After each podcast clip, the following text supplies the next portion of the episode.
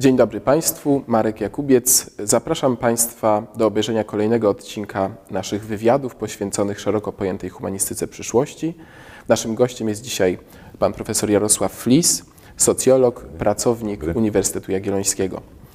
Będziemy rozmawiać o wpływie rewolucji technologicznej na ogólnie rzecz ujmując życie społeczne, ze szczególnym uwzględnieniem życia politycznego. W związku z tym zacznijmy może od y, pytania dotyczącego wyborów. Znaczy, jak technologie wpływają na wybory rozumiane jako pewien akt wyłaniania władzy publicznej? Cóż, no można powiedzieć w ten sposób, że zmiany, jakie rewolucja informatyczna przyniosła na polu głosowania, można przyrównać, przyrównać, do tych, które przyniosła na polu życia płciowego człowieka. To znaczy zagrożenia są względnie oczywiste, korzyści dyskusyjne.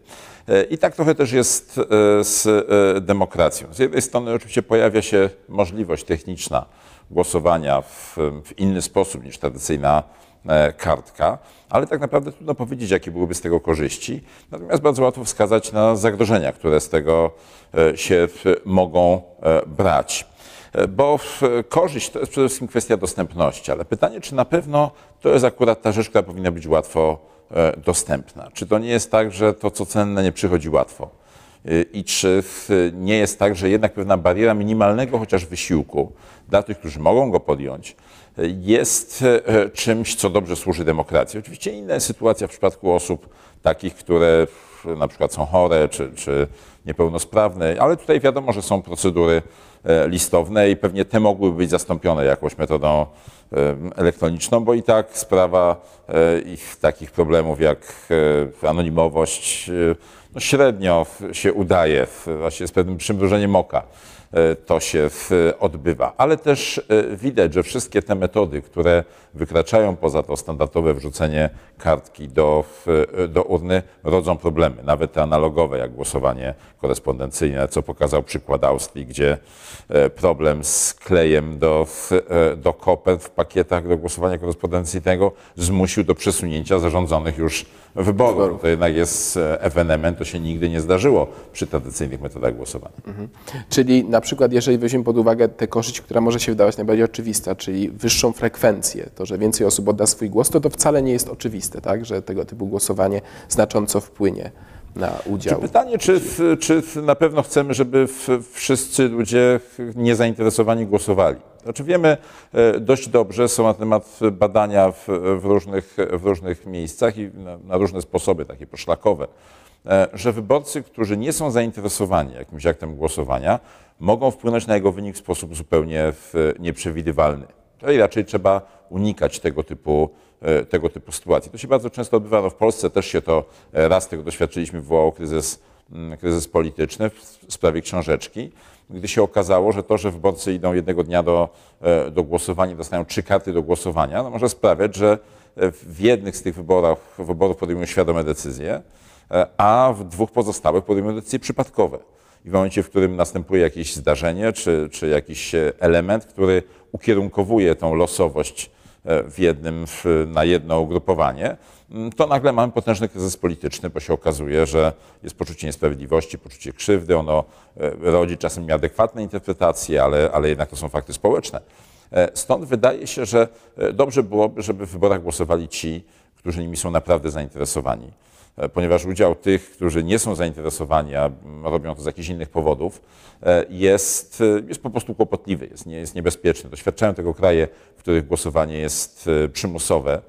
I na przykład okazuje się, że, że w takiej Australii, gdzie jest głosowanie przymusowe, kolejność alfabetyczna na liście jest problemem. Znaczy w tych krajach, w których nie ma głosowania przymusowego, nie ma korzyści z tego, że się ma nazwisko na wcześniejszą literę alfabetu. A w Australii, gdzie jest głosowaniem przymusowe, okazuje się, że to jest problem, ponieważ ci wyborcy, którzy idą zagłosować tylko po to, żeby uniknąć e, mandatu, po prostu głosują najwygodniej, czyli na pierwszego kandydata e, od, e, od góry. Więc to, to jest przykład takiego konkretnego zagrożenia dla demokracji, które jest analogowe, ale możemy zobaczyć, że także przejście na głosowanie elektroniczne może wcale tego nie, nie polepszyć.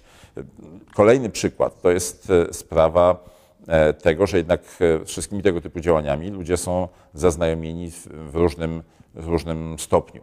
Z kartą do głosowania wszyscy z grubsza są mniej więcej tak samo za, e,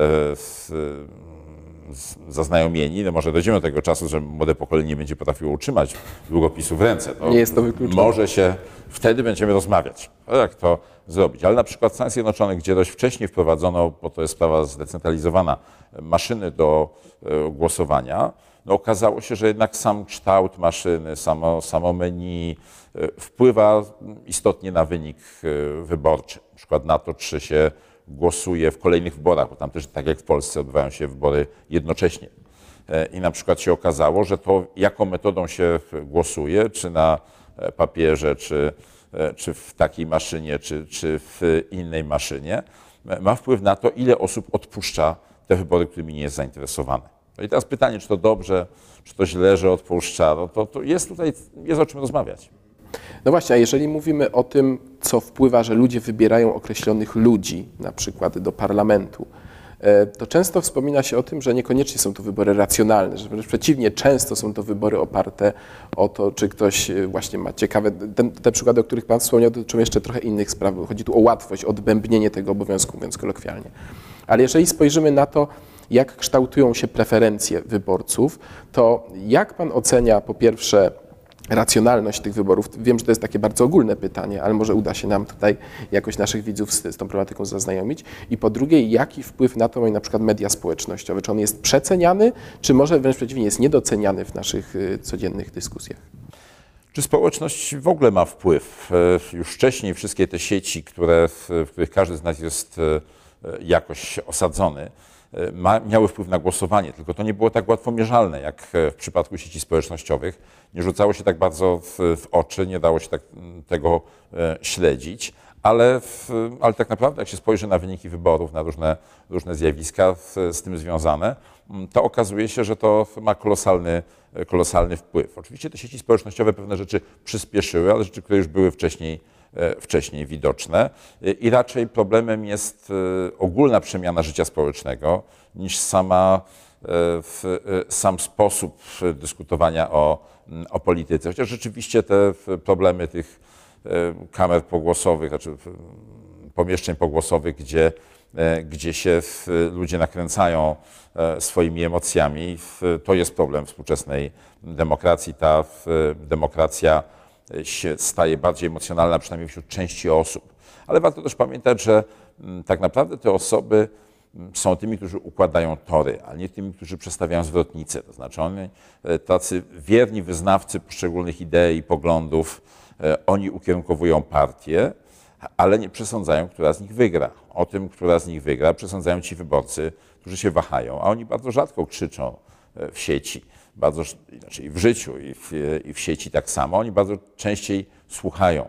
E, I e, dla nich na przykład e, ta rewolucja jest rzeczywistym ułatwieniem. Mogą zdobywać bardziej szczegółowe informacje, mogą sprawdzać to, co kto mówił, co kto powiedział w przeszłości. Mogą też śledzić tych najbardziej rozgorączkowanych i zarażać się tym, co oni mają do powiedzenia. Także jest, jest tutaj dodatkowe zjawisko, którego wcześniej, wcześniej nie było, mianowicie łatwość weryfikacji e, informacji wśród tych, którzy chcą ją zweryfikować. Pytanie, czy e, ci wyborcy, którzy e, są rozgorączkowani, czy oni tworzą taki układ polityczny, który jest w miarę zrównoważony, w którym, który zostawia pole do decyzji dla tych, którzy są bardziej kompetentni, bardziej zainteresowani, bardziej stonowani, bardziej zaciekawieni informacją, a nie tylko uczestniczeniem w jakichś e, emocjonalnych ustawkach e, słownych, w tym, co można nazwać, e, tłumacząc na, na polski znane pojęcie, łajnoburzami. Ale ci, którzy, którzy w łajnoburzach uczestniczą, uczestniczą to oni rzeczywiście, no, dla nich ta, ta nowa możliwość jest, jest czymś, co, co im pewnie przynosi jakąś ulgę, czy zaspokaja jakąś ich potrzebę. Właśnie, pewnie tu chodzi o jakieś podstawowe takie potrzeby, można Tak, powiedzieć, ale dość... potrzeb wspólnych, no to jakoś tak nie, łajnoburze nie zaspokajają w takim sensie ładu społecznego, No, porządku i, i tak dalej. Ale gdzieś tam mm, ciągle miejmy nadzieję i wiele na to wskazuje, z tyłu są ci, którzy się wahają, e, którzy podejmują racjonalne decyzje i dla nich te wszystkie zmiany są bardzo korzystne. A jeżeli na przykład y, mówimy o zjawisku fake news, które ostatnio rzeczywiście coraz częściej jest dyskutowane w różnych kontekstach. Nawet niedawno pojawił się, e, pojawiła się informacja, że w Kalifornii zakazano używania deepfake e, w, w jakimś okresie przedwyborczym z uwagi na ogromne ryzyko, jakie się z tym wiąże. Bo zanim ktoś się wytłumaczy, że nie powiedział tego, co jest widoczne na jakimś nagraniu, gdzie jego twarz po prostu została, e, można powiedzieć, doczepiona, Wmontowana, wmontowana, y, to minie odpowiednio dużo czasu i do wielu ludzi ta informacja, y, to dementi już nie dotrze, bo oni właśnie się zogniskują na tym pełnym emocji przekazie. A zatem, y, jeżeli mówimy o roli tych nowych technologii, o roli ewolucji cyfrowej, nie sposób nie wspomnieć również o tym temacie. I co Pan sądzi właśnie o takich prawnych regulacjach tego typu zjawiska? Czy one są w ogóle, czy mogą być skuteczne, czy to jest po prostu walka z wiatrakami? To jakieś ostrzeżenie powinno być tutaj wysyłane, ale tak, tak naprawdę wydaje mi się, że sprawy tych fake, tego deepfake'u e, to jest pewien mechanizm samoregulujący się. To znaczy w momencie, w którym większość ludzi już to, już to wie, to tak naprawdę okazuje się tylko tyle, że wszystko to, co widzimy no, nie na własne oczy, tylko to, co widzimy na ekranie, jest po prostu niewiarygodne z założenia. Znaczy, jeśli to jest, no bo kiedyś było jednak takie założenie, że przeplotka jest niewiarygodna, no bo to różne rzeczy można wymyślić, a jak się zobaczy na własne oczy, to znaczy na ekranie telewizora, czy tam e, wrzucone na YouTubie, no to to jest prawda. A teraz już wiemy, że, e, że to, co się wrzuci na YouTube, ma mniej więcej taką samą wartość, jak, jak to, co usłyszymy pod bu- budką z piwem. E, I, I to tak naprawdę może się okazać, że to jest problem dla YouTube'a, a nie, a nie problem dla, dla prawdy, no bo, bo tak, tak jak budka z piwem nie jest zagrożeniem dla prawdy, e, i to, co tam się opowiada, tak, e, tak samo e, jest e, z tym, że, że tego typu informacje się pojawiają, właśnie wyglądają no bardziej wiarygodnie, ale to jeszcze wcale nie znaczy, że są wiarygodne. W momencie, w którym wszyscy się przekonają, że to, e, że to nieprawda, to, to tak naprawdę straci to swoją siłę oddziaływania, nawet nie będzie potrzebował tego prostować. Proszę zwrócić uwagę, że to jest jakby cały paradoks, że w tym momencie nikt nie musi nawet wyjaśniać, dlaczego to jest fake news. Powie, to jest fake news, E, i w zasadzie wszyscy ci, którzy mu wierzą, już mu wierzą. A natomiast ci, którzy mu nie wierzą, to nawet jakby nie wiadomo, co To powiedział. uznają, że to stwierdzenie, że to fake news, to fake news. Tak. I to tak, e, i to w, ten sposób się, e, się nakręca. Być może to będzie znaczyć tylko tyle, co jest widoczne na przykład na wielu forach internetowych, że powstaną nowe metody budowania wiarygodności. Że jednak ludzie będą się, potem wrócą do e, osobistych kontaktów, do długotrwałych kontaktów, że będzie wiadomo, że, e, że nie to, co jest wrzucone przez kogoś anonimowego na, w, do sieci, czy tam gdzieś na Face'a, to jest e, prawdziwe, no bo, bo widać.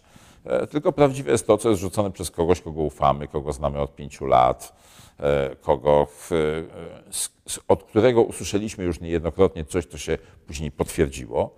I takim osobom można wierzyć. To znaczy, te kontakty mogą się trochę przenieść do sieci, ale muszą mieć te cechy, które mają kontakty takie codzienne, bezpośrednie, to znaczy muszą mieć element trwałości muszą mieć e, jakąś powtarzalność, jakąś stopniowo budowaną e, wiarygodność. Bo wiarygodność jest czymś, co się traci bardzo szybko, tylko buduje się bardzo wolno. Czyli można powiedzieć, że e, rola mediów szeroko pojętych e, tak naprawdę zatoczy koło, tak? To znaczy one w pewnym momencie stały się bardzo istotne. Być może, nie wiem w jakim momencie jesteśmy teraz, nie wiem czy Pan też e, pokusi się tu o spekulacje, ale tak czy inaczej dojdziemy do takiego momentu, że e, w gruncie rzeczy tak naprawdę e, istotne będzie to właśnie, tak jak powiedział, co ktoś nam mówi, a to, co będzie napisane, e, to, co my będziemy mogli, informacje, które będziemy mogli znaleźć w mediach, tak naprawdę stracą na znaczeniu. I teraz pytanie, jak w dobie tej globalizacji rozumianej w wielu aspektach, również w tym sensie informacyjnym, jakie to może mieć znaczenie dla życia społecznego też. Tutaj też może odchodząc trochę od kwestii polityki, a wchodząc na grunt stricte socjologiczny, na grunty życia społecznego, jak Pan ocenia e, te, te procesy? W zasadzie te zjawiska, odkąd, e, odkąd była badana prasa przed, przed 100 laty dotyczące czytelnictwa wśród, wśród chłopskich migrantów z Polski w, w Chicago, Florian Znaniecki i pó- i później e, cały szereg innych, e, innych badań, e, to w, badania Lazarsfelda, to wszystko pokazywało już wtedy, że media nie działają w ten sposób, że, e, że ludzie czytają i w to wierzą, tylko oni czytają, rozmawiają ze znajomymi, co na ten temat e, sądzą, z tymi osobami, które są liderami opinii. E, i następnie wtedy przyjmują to albo na wiarę, albo puszczają mimo uszu, albo raczej wierzą w zaprzeczenie tego, co tam zostało e, napisane, niż w to, co tam, e, w to, co tam jest. I wydaje mi się, że, że to jest gdzieś jakaś stała gra pomiędzy e, tym kontaktem osobistym, e, a kontaktem medialnym, e, która jakoś łapie równowagę. To znaczy, jeśli ktoś się poczuje zapewnie, tak jak w tym momencie poczuły się zapewnie media i one myślały, że już o wszystkim decydują, że są tutaj takimi gatekeeperami, które po prostu wyznaczają... Czwarta władza to by się nie wzięło się czwarta znikąd. władza. To nagle się okazało, że, że ten ich przekaz jest na tyle jakby spójny, na tyle podlega jakiemuś środowiskowemu ukierunkowaniu regułom, że nagle część osób, która w- y, miała odrobinę inne poglądy, przestała im wierzyć zupełnie. No, w myśl takiego, takiej genialnej obserwacji y, Marcina Wichy, y, rysownika, który napisał, włożył kiedyś w usta jakiegoś pana zdanie, którym to niesprawiedliwe. Kłamie tylko czasami, a nie wierzą mi nigdy. No tak niestety jest. A więc te media, które jak ktoś nadużywa swojej pozycji, swojej władzy i, i, próbuje ukierunkować jakąś pedagogikę e, oderwaną, od, od, od e, rzeczywistych problemów społecznych, przemilczeć jakieś problemy, no to później gdzieś mu się wali ta wiarygodność i teraz droga do jej odzyskania może być bardzo długa. Czy to się w ogóle uda? Do tego nie, e, nie wiemy, ale, ale w coś trzeba w coś trzeba wierzyć. I e, jak pisał przed, przed e, 150 laty Alexis de Tocqueville, nawet najwięksi filozofowie znacznie więcej rzeczy przyjmują na wiarę niż sami wymyślają. E, W związku z czym to też jest tak, że ludzie w coś tam e, muszą, e, muszą wierzyć, dokonują jakiejś selekcji tych, e, tych źródeł informacji. Niektóre właśnie traktują tylko po to, żeby się potwierdzić, e, że oglądają je tylko po to, żeby potwierdzić swoje złe zdanie na ich, na ich temat. No ale, ale gdzieś się jakoś to musi ułożyć. Dobrze. Bardzo serdecznie dziękuję za naszą rozmowę. Dziękuję również Państwu i oczywiście zachęcam do śledzenia innych treści, jakie zamieszczamy na kanale YouTube Centrum Kopernika. Dziękuję serdecznie.